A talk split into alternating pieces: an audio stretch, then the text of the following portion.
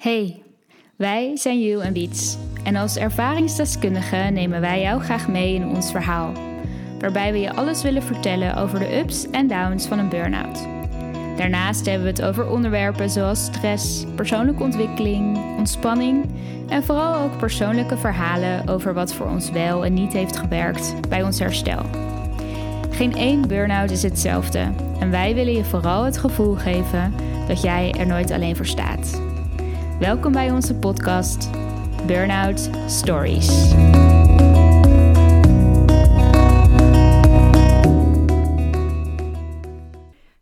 Hoi, superleuk dat je weer luistert naar een nieuwe aflevering van Burnout Stories. De vorige keer hebben we ons aan je voorgesteld en deelden we de reden waarom we zijn gestart met deze podcast. En in deze aflevering gaan we jullie meer vertellen over wat een burn-out nou precies is. We dachten van tevoren dat het eigenlijk wel vrij makkelijk zou zijn om ja, hierin te duiken voor jullie. Maar toen we er eenmaal mee bezig gingen, kwamen we erachter hoeveel verschillende informatie er te vinden is over burn-out. En hoeveel verschillende meningen er eigenlijk zijn. En dat onderzoeken en statistieken elkaar eigenlijk soms ook heel erg tegenspreken. Nou, uit alle informatie die we gevonden hebben, hebben we wat punten die we vandaag heel graag met jullie willen doornemen. We hebben eigenlijk heel veel te vertellen, maar we gaan het stap voor stap doen. Vandaag gaan we je meenemen in wat nou de definitie van een burn-out is. En ook in wat nou het verschil is tussen stress en overspannenheid en burn-out. En hoe het verloop kan zijn tussen deze. En we sluiten af met onze eigen visie daarin. Het is deze keer best een informatieve aflevering, maar we vonden het belangrijk om in ieder geval de basis vast te bespreken, zodat we daarna daarop verder kunnen. Want ja, oké, nou ja, burn-out dus. Daar kunnen we eigenlijk niet echt meer omheen uh, hier in Nederland. Nou, Hugh en ik zeker niet. Maar ik denk dat ik eigenlijk wel kan zeggen dat bijna iedereen wel weer iemand kent die een burn-out heeft gehad of op dit moment heeft. Of anders wel weer via via. Ja, precies. Het lijkt soms zelfs dat als je om je heen kijkt, dat je altijd wel iemand weet die een burn-out heeft. Tot het moment dat je zelf in een burn-out belandt. En dan lijkt het in één keer alsof niemand het heeft. Omdat ook niemand echt zijn mond erover opentrekt. Nee, daar, dat is zeker waar. Dat, uh, dan kan je je soms ineens wel uh, heel alleen voelen. Nou, daarom zijn we natuurlijk ook deze podcast uh, gestart. Precies. Maar ja, die burn-out, dat, ja, dat dat dus zeker een begrip is die niet meer uit de huidige tijd weg te denken is, dat, dat is zeker zo. Zeker ook nu natuurlijk in de, de bizarre huidige tijd waarin we leven nu met corona. En ja, eigenlijk wordt daardoor nu nog meer gespeculeerd over wat ook de mogelijke gevolgen zouden kunnen gaan zijn van alle extra angst en stress die er momenteel uh, heerst. Maar eigenlijk ook voor de corona was burn-out wel al echt een, een groot probleem in de maatschappij. We zagen dat de laatste jaren toch wel echt een flinke stijging te zien was in, in de cijfers. En dan vraag je je misschien af van hoe komt dat dan? Waarom um, hebben steeds meer mensen een burn-out? Is het een hype of een modewoord? En was het er vroeger dan ook of eigenlijk niet? Um, ja, daar kan ik nog heel lang over praten. Maar waar ik vandaag met jullie wat meer op wil inzoomen, de dingen die mij opvielen toen ik ja, wat meer achtergrondinformatie ging opzoeken voor deze podcast. Ik ben de literatuur ingedoken over wat nu precies de definitie is van een burn-out. En ik wilde ook wat meer te weten komen over de daadwerkelijke statistieken. Hoeveel mensen er nu echt daadwerkelijk rondlopen met een burn-out. Maar toen ik daaraan begon, toen kreeg ik echt één grote weerwar van informatie. Nou, wat Jill net ook al zei, heel veel verschillende meningen, plekken, onderzoeken. En um, ja, met name voor die statistieken trok ik eigenlijk voor mezelf de conclusie dat ik daar nou, geen feitelijke uitspraak over wilde doen in deze podcast. Over die daadwerkelijke cijfers. Het was dus best wel een hele kluif. Maar ik zal eerst inzoomen met jullie op die definitie. Wat is nu echt precies volgens de literatuur een burn-out? In de literatuur wordt het omschreven als een syndroom van emotionele vermoeidheid of uitputting, in combinatie met het afstand nemen van het werk en of weinig vertrouwen meer hebben in het eigen functioneren, ofwel verminderde bekwaamheid. Nou, deze definitie komt uit 1980 en is dus vrij oud. En de laatste jaren is er wel flink wat, of zijn er eigenlijk flink wat suggesties gedaan om deze definitie wat uh, aan te passen. Dus zo is eigenlijk vrij uh, recent een aanpassing gedaan, uh, waarbij die verminderde bekwaamheid in het functioneren is veranderd naar verminderd emotioneel of cognitief functioneren. Dus eigenlijk in plaats van dat je niet bekwaam bent om iets te doen, laat het echt zien dat, je, dat er daadwerkelijk um, ja, je, het functioneren in je cognitie en je emotie, dat het verwerken en het, ja, het, het onthouden en concentratie, dat dat echt verminderd is op het moment dat jij dus een burn-out hebt. Daarnaast onderscheidt een burn-out zich volgens de literatuur van andere psychische aandoeningen, zoals een depressie of overspannenheid, eh, door de werkgerelateerde factor van een burn-out. Oké, maar waarom is het dan zo lastig om die daadwerkelijke cijfers te vinden, zou je dan je afvragen, als er toch wel een duidelijke definitie is? Nou, dat komt door meerdere redenen, maar een van de grootste is dat de term burn-out door de media best wel veel en makkelijk wordt gebruikt, maar ook door mensen zelf. Mensen geven bijvoorbeeld vrij snel aan van ik heb een burn-out, terwijl ze misschien alleen stressklachten ervaren. Uh, en um, ja, definities worden dus eigenlijk door de bar gehaald, want er zit best wel een groot verschil in het ervaren van burn-out klachten of stressklachten. Of er is ook een verschil tussen overspannen zijn en een burn-out hebben. En er zijn zeker overeenkomsten, maar er zijn ook echt wel uh, ja, best grote verschillen. Maar daar zullen we straks wat dieper op ingaan. En een andere reden is dat de aantallen van de mensen met een klassieke burn-out niet altijd goed worden geregistreerd. Een burn-out is dus eigenlijk officieel geen medische conditie, maar het valt wel onder de beroepsziekte. En in Nederland staat zelfs stressgerelateerde klachten op beroepsziekte nummer 1. En um, ja, je, je huisarts of een bedrijfsarts of verzekeringsarts stelt het dus vast. En daarbij wordt burn-out dan geschaald onder de categorie psychische aandoeningen en gedragsstoornissen. Dus dat is eigenlijk een verzameling van alle, uh, ja, van burn-out, maar dus ook die depressie of overspannenheid. Het wordt eigenlijk in een soort van, ja, vergaarbak wil ik het niet noemen, maar het wordt toch een beetje op, in één hokje geduwd, waardoor het dus lastig is om daar de daadwerkelijke cijfers uit te halen. En wat ook nog wel interessant is om toe te voegen, en ik hoop dat ik jullie nog de aandacht eh, van jullie heb, want het is best wel pittige theorie, maar in die richtlijn, die dus de, wordt gebruikt door de, de huisarts en de bedrijfsarts, wordt vermeld dat zo'n burn-out dus niet per se werkgerelateerd hoeft te zijn. Ze zeggen dat het bijvoorbeeld wel een combinatie kan zijn tussen meerdere stressors, dus dingen die je, je burn-out kunnen veroorzaken, en dat die dus zowel voorkomen op je werk of privé of allebei. En een andere voorwaarde volgens die richtlijn is dat een burn-out zich opbouwt in minimaal zes maanden. Dus zes maanden of langer. En ik denk dat bij heel veel mensen het veel langer is dan zes maanden. Dus om nog maar even terug te komen op die cijfers. Het is dus niet altijd duidelijk als je bijvoorbeeld een artikel leest over er zijn weer zoveel mensen met een burn-out, of die uitspraak en die cijfers een realistisch beeld geven van uh, ja, wat er eigenlijk wordt geschreven of gezegd. of dat echt slaat op de daadwerkelijke aantallen of dat dat toch een beetje uit het verband is gerukt.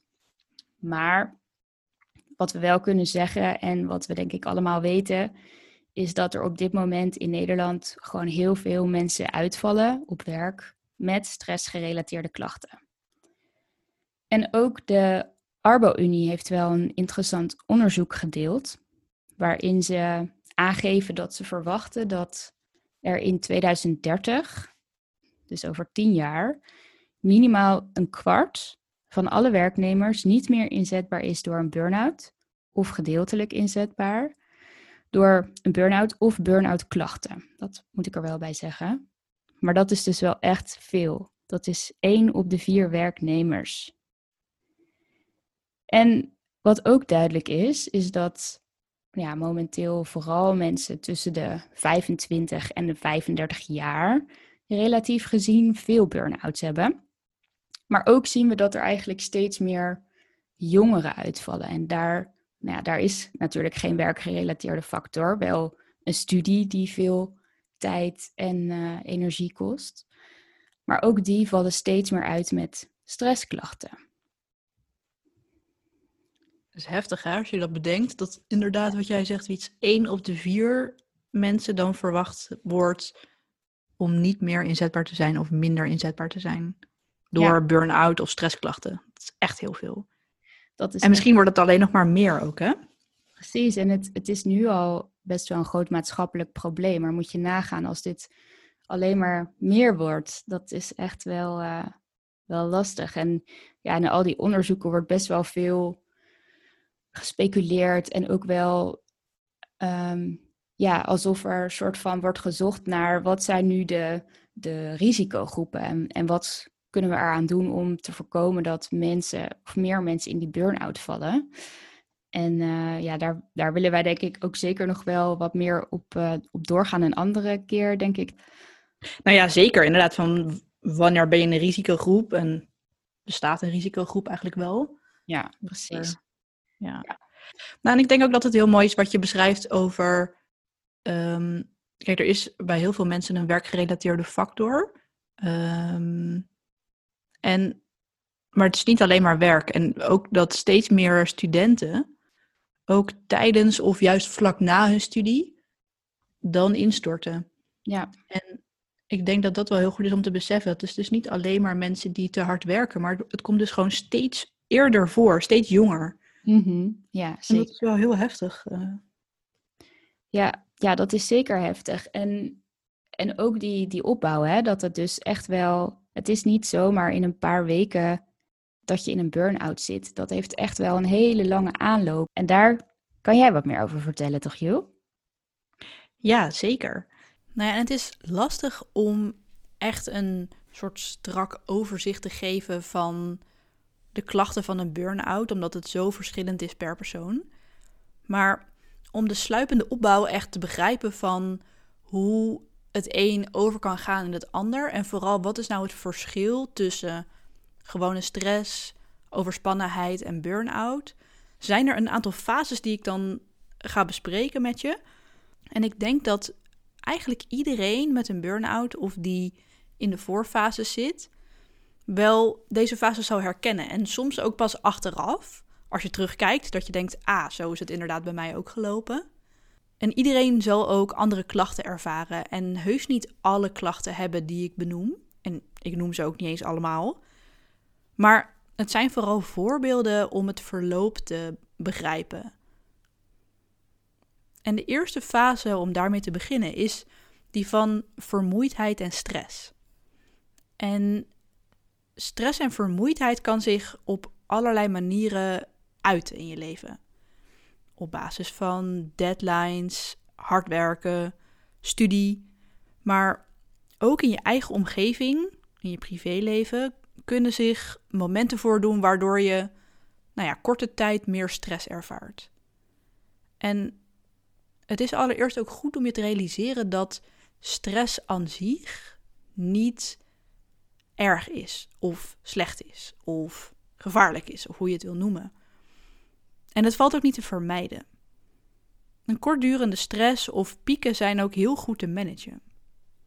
Maar in de fases die ik hierna ga bespreken, als dat soort situaties zich langer voordoen of de deadlines volgen elkaar maar op en de, de werkdruk neemt maar toe, of verzin zelf een voorbeeld, dan merk je dus dat je chronische, dus langdurige stress gaat ervaren. En op zich in deze eerste fase is er ook niet echt een probleem. Als je gewoon goed voor jezelf zorgt, je slaapt nog goed en je zult merken als je in deze fase zit dat je vooral even alle focus zet op nog even volhouden totdat de situatie afgelopen is. Dus je kijkt uit naar een vakantie of het weekend en het einde is in zicht. En het zou kunnen dat je van deze fase in de tweede fase overgaat. En dat is die van overbelasting. En in deze fase neemt de belasting verder toe. Of die blijft gelijk, dat kan ook. Maar wat er vooral gebeurt is dat je hersteltekort toeneemt. Dus dat wil zeggen het verschil tussen de belasting die je hebt en het herstel wat daar tegenover staat van zowel je hoofd, je mind, als je lichaam, staan niet meer met elkaar in verhouding. Dus eigenlijk heb je onvoldoende tijd en rust om echt goed te herstellen. En dat merk je soms ook. Je komt niet meer echt tot rust. Je hebt bijvoorbeeld vaker hoofdpijn of stijve spieren. En dat gaat uiteindelijk ook wel weer over. En het zou kunnen zijn dat je meer weerstand krijgt richting je werk en soms ook naar leuke dingen. Ja, het is vooral op je werk en op je studie bijvoorbeeld heel druk. En misschien werk je ook wel veel over. En wat je zult merken dat je het gevoel krijgt dat je heel veel ballen omhoog moet houden, ook thuis. En dat je je uit elkaar gerekt voelt om alles te regelen, om al die ballen hoog te houden. Meestal slaap je in deze fase nog best wel goed, maar je wordt niet meer altijd uitgerust wakker. En misschien kom je ook net wat moeilijker in slaap of slaap je wat moeilijker door. En het zou kunnen dat je bijvoorbeeld meer koffie gaat drinken om de dagen vol te houden. er zijn wel eens momenten dat je jezelf dan zorgen maakt. Of dat er iemand in je omgeving vraagt of het allemaal wel goed met je gaat. Maar meestal druk je dat in deze fase ook snel weer weg. Want ja, als je om je heen kijkt, dan zie je ook dat iedereen het druk heeft. En nou, zoals ik net zei, deze fase heeft vaak is vaak het gevolg van dat we steeds meer ballen in de lucht moeten houden. En dat dat zorgen voor ontspanning, voor rust, dus het echt het zorgen voor jezelf, daarvoor komt steeds minder ruimte. Dus eigenlijk heb je er juist heel veel meer van nodig. Maar juist dat zorgen voor jezelf verschuift naar het einde van je to-do-lijstje. En als dit heel lang aanhoudt en als je geen actie onderneemt om iets te veranderen, bijvoorbeeld aan de manier waarop je omgaat met stress of je prioriteiten verschuift, dan kan het zijn dat je langzaam overgaat in de volgende fase. En de derde fase, dus de volgende, is die van overspannenheid. En dit is het, wat ze noemen het eerste kantelpunt. De herstelschuld, dus dat verschil tussen, ja, dat hersteltekort eigenlijk, dat neemt nog verder toe. En er ontstaan ook in je lichaam, in je stresssysteem, veranderingen. Je energie neemt steeds verder af en je herstelt tussendoor niet meer genoeg. En ook in je lichaam hopen de stresshormonen zich steeds verder op. En ik ga nog een andere keer veel uitgebreider vertellen over de stresshormonen als adrenaline en cortisol, onder andere en ons stresssysteem. Maar daar kan ik echt een aparte aflevering mee vullen, dus daar ga ik een andere keer uitgebreider op in. Maar je komt dus voor nu, kort gezegd, in de overleefstand. En soms voel je dat ook aan alles. En soms, en dat is ook het gevaar, sluipt het er juist in en voel je het niet.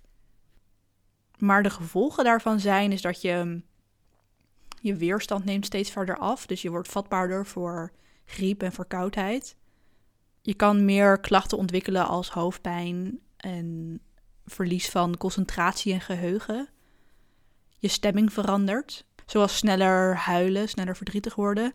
Of juist sneller boos worden en een korter lontje hebben.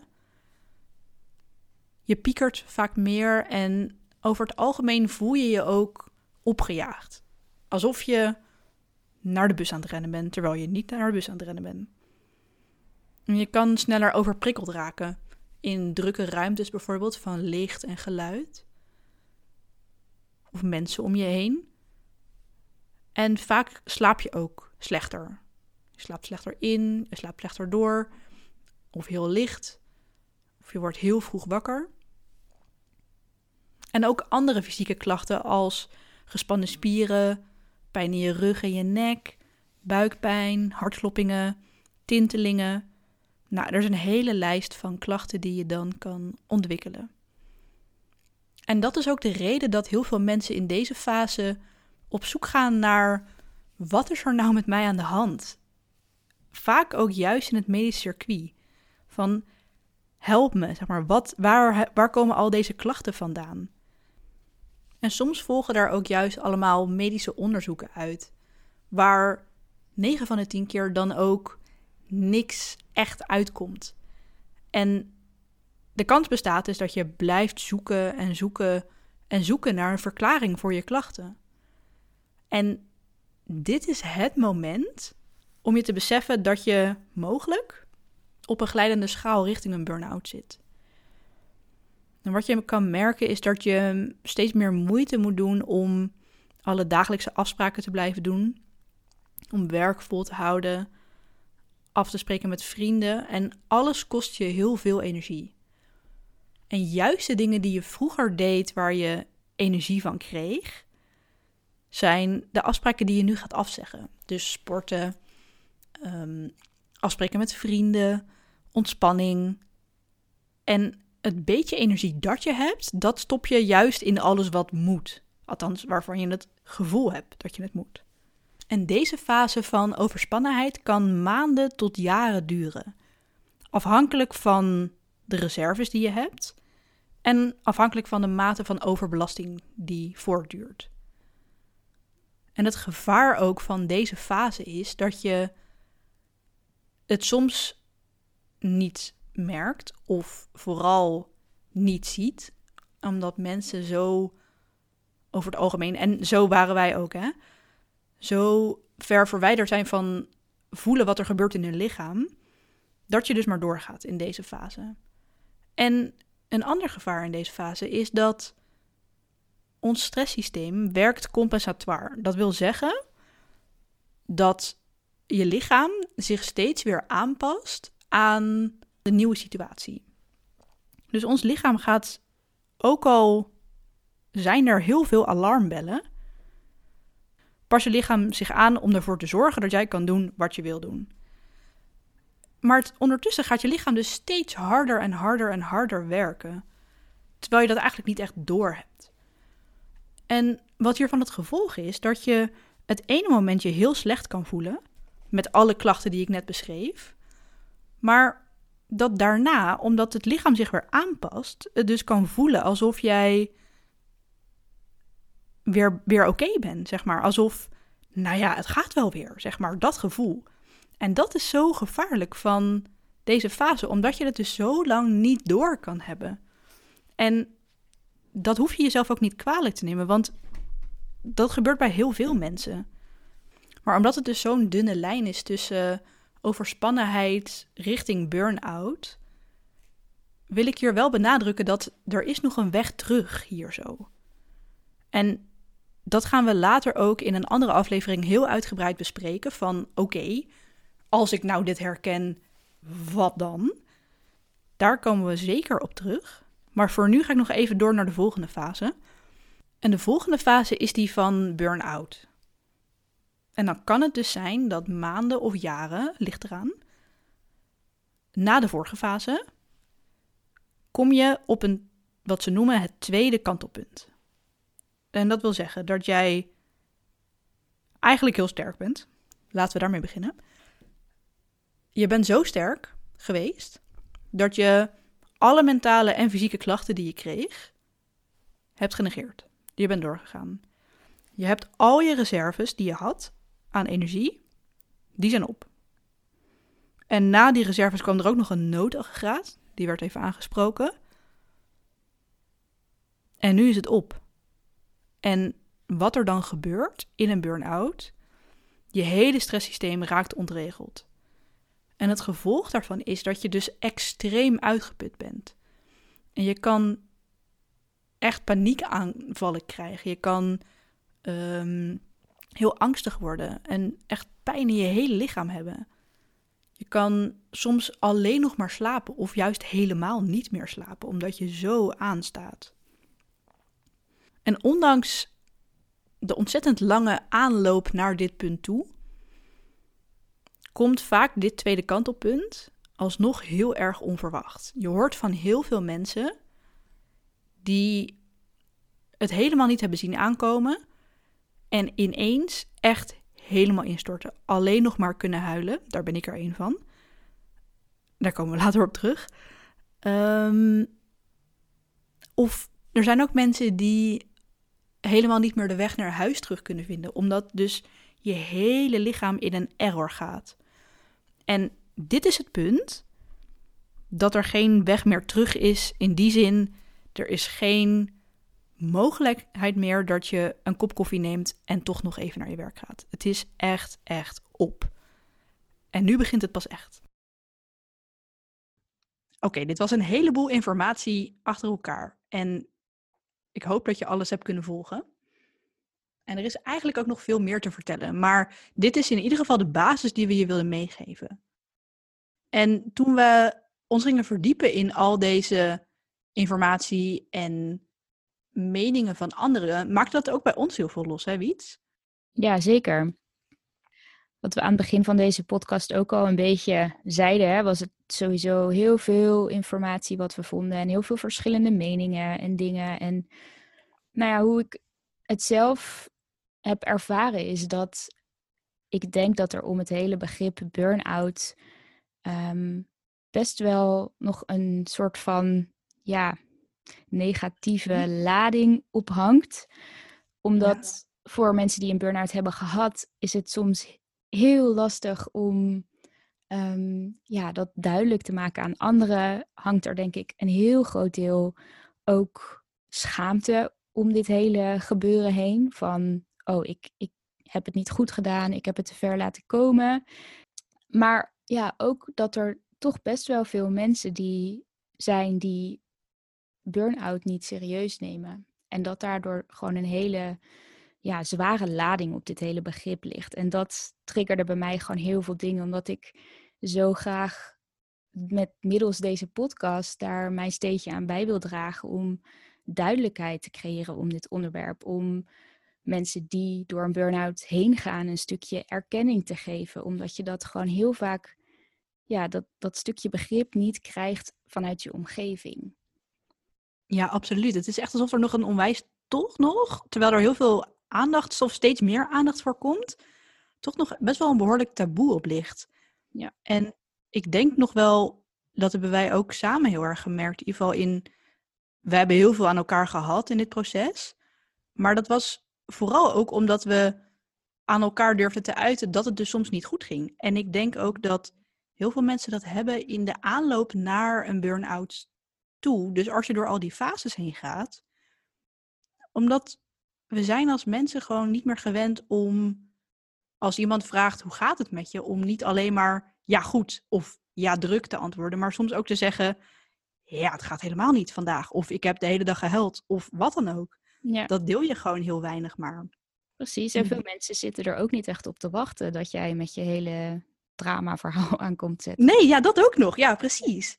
Dus dat is zo lastig. En ik denk ook dat, ook al weten wij na alles waar we ermee bezig zijn geweest, dat door dat we hier weer mee bezig gingen om het allemaal weer uit te zoeken voor, voor jou, zeg maar, die nu naar de podcast luistert, om dat het ergens toch nog steeds wel een beetje als falen voelt. Dat je het zover hebt laten komen. En ik merkte zelf ook, toen ik al die fases ging doorlopen, dat ik soms ergens diep van binnen nog steeds denk: hoe kan ik nou al die signalen ooit gemist hebben? Maar dat. dat. gebeurt dus gewoon echt, weet je. En dat, ja.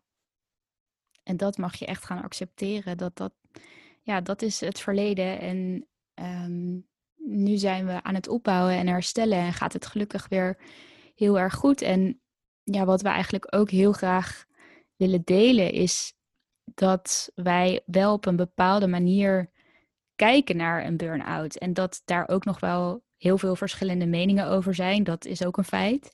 En dat dit mhm. echt puur onze visie en onze mening is, betekent zeker niet dat het de waarheid is. Maar ja, en ik weet dat ik ook namens Julia spreek, maar dat wij die burn-out wel echt zien als een soort van noodrem en wake-up call. En dat wij er uiteindelijk wel echt heel veel van hebben geleerd.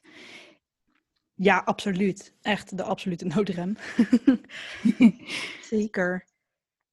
En ik denk ook dat het ook al heeft het heel lang geduurd voordat we, ik denk ook als dat ik voor ons allebei spreek, voordat we dat echt op die manier konden zien. En soms kunnen we dat nog steeds niet zo zien, maar dat het ook, het is zo'n grote uitnodiging. En toen, als, ik dit, als je dit tegen mij had gezegd, terwijl ik in het begin van mijn burn-out zat, dan had ik je echt een klap in je gezicht gegeven. Maar het is echt oprecht een, zo'n uitnodiging om naar binnen te gaan en om te gaan kijken naar waarom heb ik dit gekregen? En daar gaan we je ook nog veel meer in meenemen in hoe wij dat hebben gedaan. Ik denk ook dat, en toen we aan de slag gingen hiermee, was er heel vaak dat ehm, het stuk werk en ehm, studie, zeg maar, als een soort heel hele grote oorzaak, zeg maar, werd beschreven. En ik denk ook dat dat dat voor een heel groot deel zo is. Maar dat wij ook allebei wel heel erg hebben gemerkt dat dat niet de enige oorzaak was. En dat. Nee, zeker niet. Daar gaan we ook nog veel meer um, later over delen. Over hoe bij ons dat verloop en die aanloop naar is geweest. Maar ik denk dat de kern wel heel erg zit in. Wat jij ook zei, Wiets. Echt een wake-up call, een noodrem. Dat je lichaam op een manier zegt dit gaan we niet meer zo doen. Dit, dit gaat gewoon niet. En dat het een uitnodiging is om ja, oprecht te gaan leven en te gaan genieten van je leven in plaats van alleen maar heel hard werken en overleven. Ja, ja zeker veel meer bewust leven, denk ik. En ik denk dat wij hiervoor allebei best wel in een soort van ja, red race, of hoe je het ook wil noemen. Je, je, je probeert alle ballen in de lucht te houden en je probeert het goed te doen. En ja, je valt er gewoon letterlijk helemaal uit. En je gaat, je, ja, je wordt gedwongen om helemaal terug te gaan eigenlijk naar de basis. En gewoon puur weer de dag overleven um, in ontspanning. En ik denk dat wij daardoor allebei door inderdaad terug te gaan naar de basis, naar de ontspanning en, en naar binnen te keren, dat wij daardoor ja, gewoon vanuit die rust weer konden zien van, oh ja, wacht eens even, dit ben ik en dit is de kant waar ik naartoe wil. En eigenlijk door de chaos van alle drukte van deze tijd en plus een hele hoop dingen die gewoon voor ons niet helpend waren, mm waren we dat eigenlijk allebei helemaal kwijt. Ja. Ja, en ik denk dat we zo nog wel heel lang door kunnen kletsen. Nou ja, precies. Uh, ja. En dat gaan we ook zeker doen. Alleen niet vandaag. ik denk dat dit een mooi eh, moment is om de podcast uh, rustig te gaan afronden. En um, wil jij nog wat zeggen, Joe?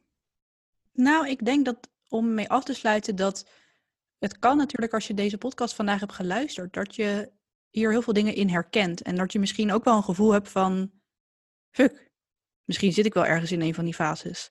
En nu? En ik denk dat het heel goed is om te weten dat we daar echt, echt op terug gaan komen. Um, ja, dus dat we je daar niet in, uh, in laten hangen. Nee, zeker niet. En dat je daar zeker niet de enige in bent. Dus, um... En ja, ook als je vragen hebt of naar aanleiding van deze aflevering, weet dat je ons altijd uh, mag benaderen, vragen mag stellen. En uh, je kunt ons vinden op social media. En we zouden het ook heel erg leuk vinden als je ons via een van deze kanalen laten weten wat je van deze afleveringen tot nu toe vindt. En um, ja, dan wil ik je vooral heel erg bedanken voor het luisteren naar deze aflevering van uh, Burnout Stories.